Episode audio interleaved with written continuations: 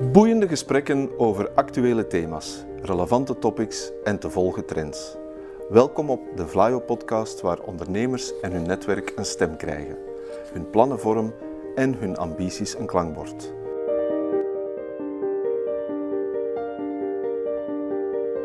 To the point waar het kan, dieper gravend waar het moet. Inspirerend, informerend, ondersteunend. Van artificial intelligence, blockchain en circulaire economie tot digitale zorg. Wij knopen het in jouw oren.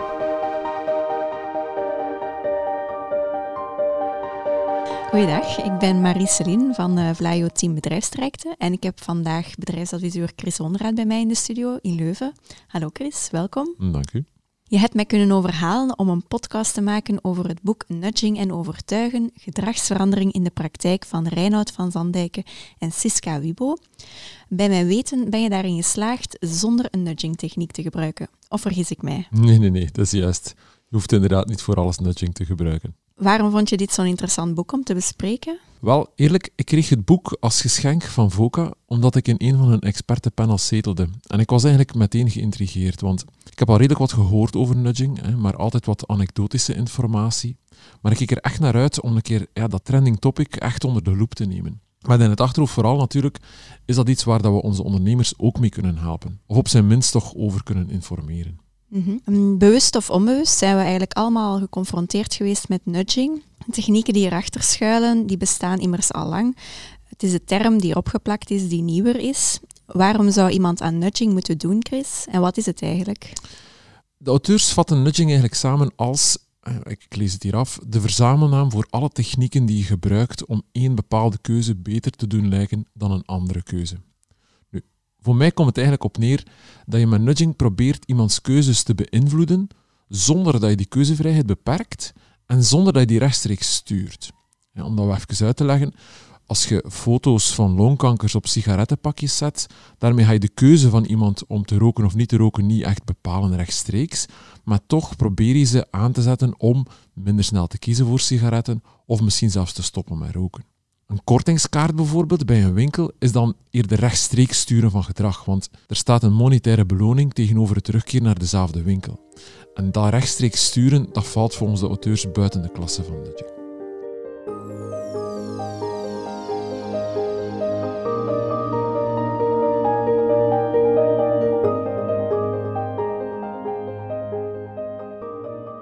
Maar wat maakt nu dat je een succesvolle nudge hebt?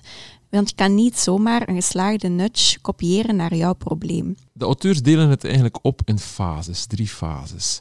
Eerst een analysefase, waarin dat je nagaat, wat wil je precies veranderen? Wie wil je nudgen? Wat wil je bereiken?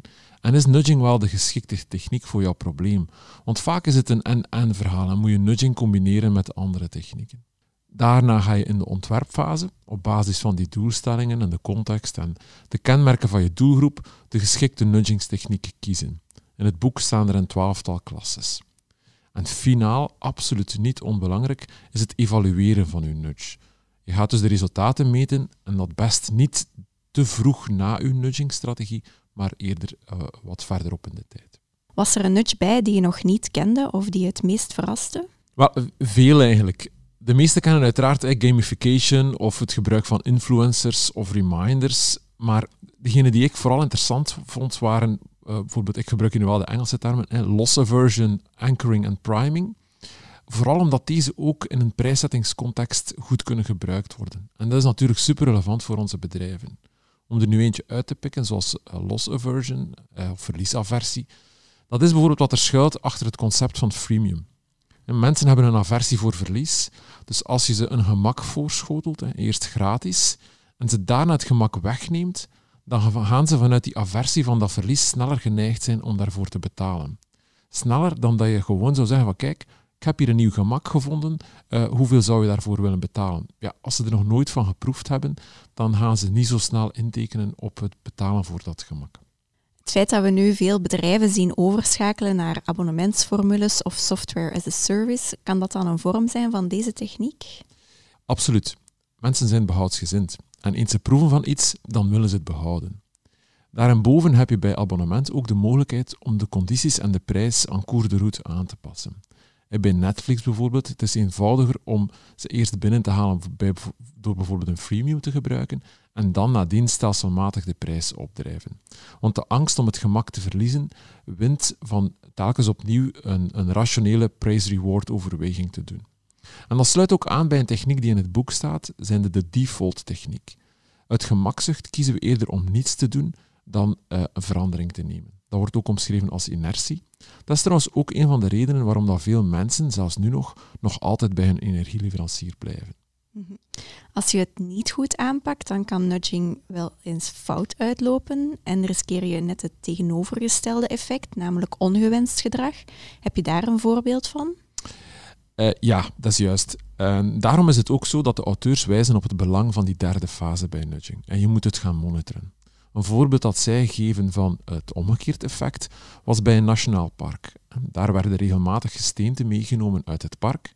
En ze hadden dus een bordje aan de ingang van dat park gezet dat aangaf dat voorgaande bezoekers gesteente meenamen en dat dat de natuurlijke staat van het park aantastte. Maar dat bordje leidde net tot meer diefstal. Ze noemden dat negatief sociaal bewijs. Het gaf de indruk van, ah ja, nog mensen doen dit, dus eigenlijk als wij dat doen, is het ook wel oké. Oké, opletten dus.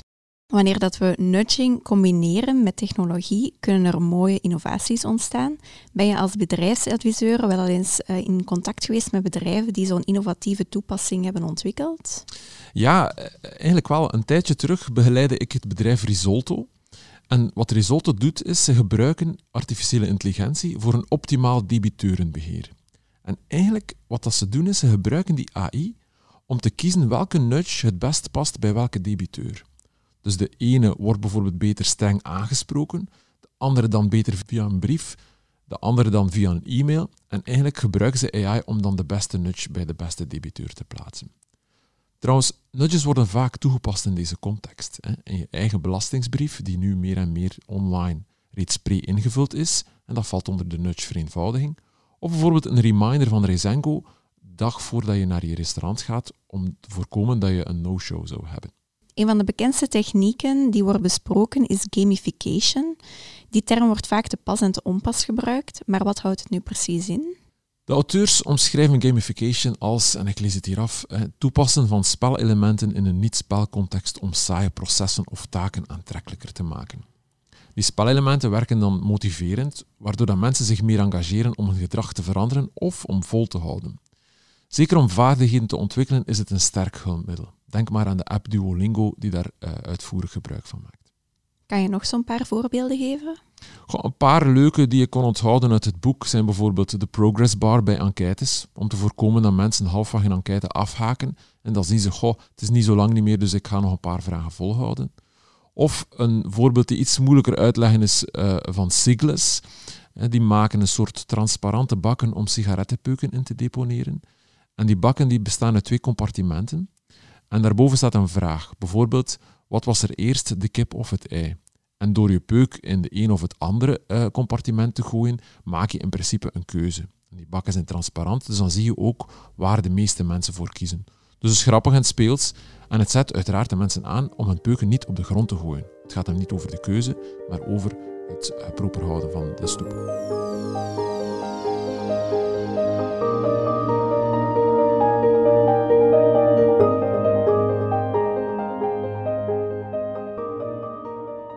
Nudging hoeft niet altijd het gedrag van anderen te beïnvloeden. Je kan het ook op jezelf toepassen om een bepaalde doelstelling te bereiken.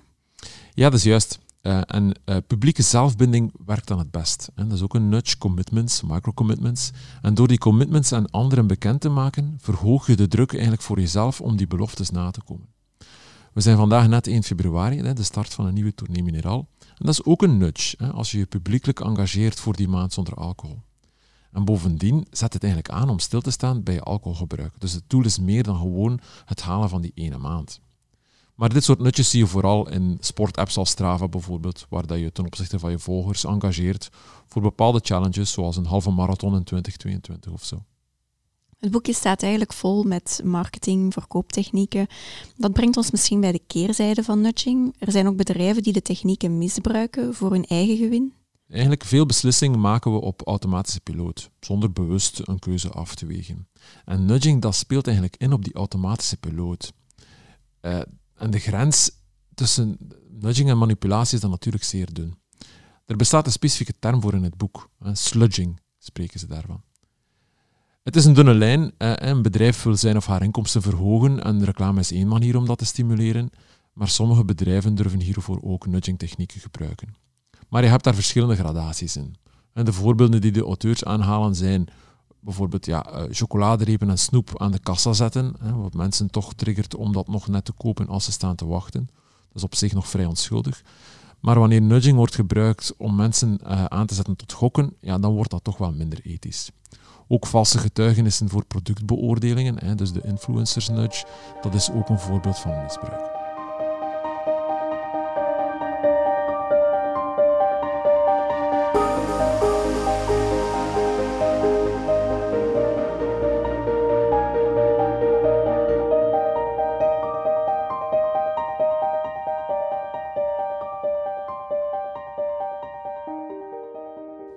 De overheid die maakt gebruik van nudging. Het is een uh, filosofisch-ethisch debat dat Reinoud en Siska toelichten zonder zich voor of tegen uit te spreken.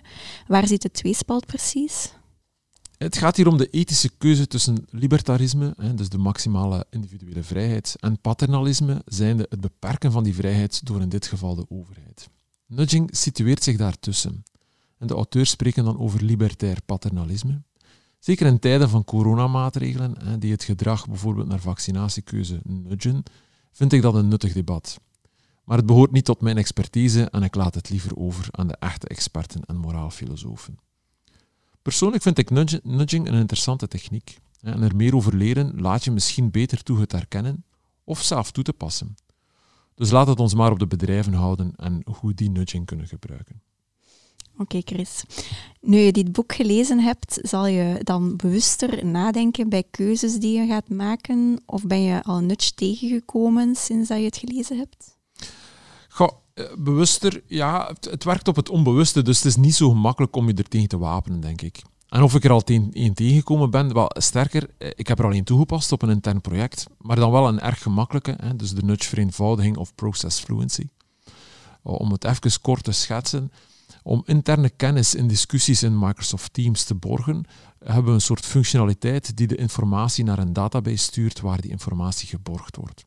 Tot nu toe kreeg je daar, als je die kennis borgde, een simpele boodschap: de kennis is geborgd. Maar we willen meer mensen naar die database krijgen om de info daar te zoeken, in plaats van de vraag opnieuw te stellen op Teams. Dus krijg je daar nu niet meer de boodschap: de info is geborgd, maar krijg je een andere boodschap: de info is geborgd, maar wil je nog van dergelijke info vinden? Klik dan even hier, met een link naar die database. Zo nudgen we de collega's richting die nieuwe locatie.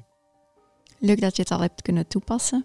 Tot slot ben ik nog benieuwd, als je op vakantie bent en je ziet een vol restaurant of een leeg restaurant, welk stap je binnen?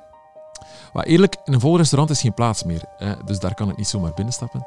Maar in een leeg restaurant zal ik toch ook niet snel stappen. Dus laat ons zeggen iets tussenin. En de reden waarom dat zullen de mensen in het boek moeten lezen. Oké, bedankt uh, om hier vandaag aanwezig te zijn en om het boek met mij te bespreken. Graag gedaan.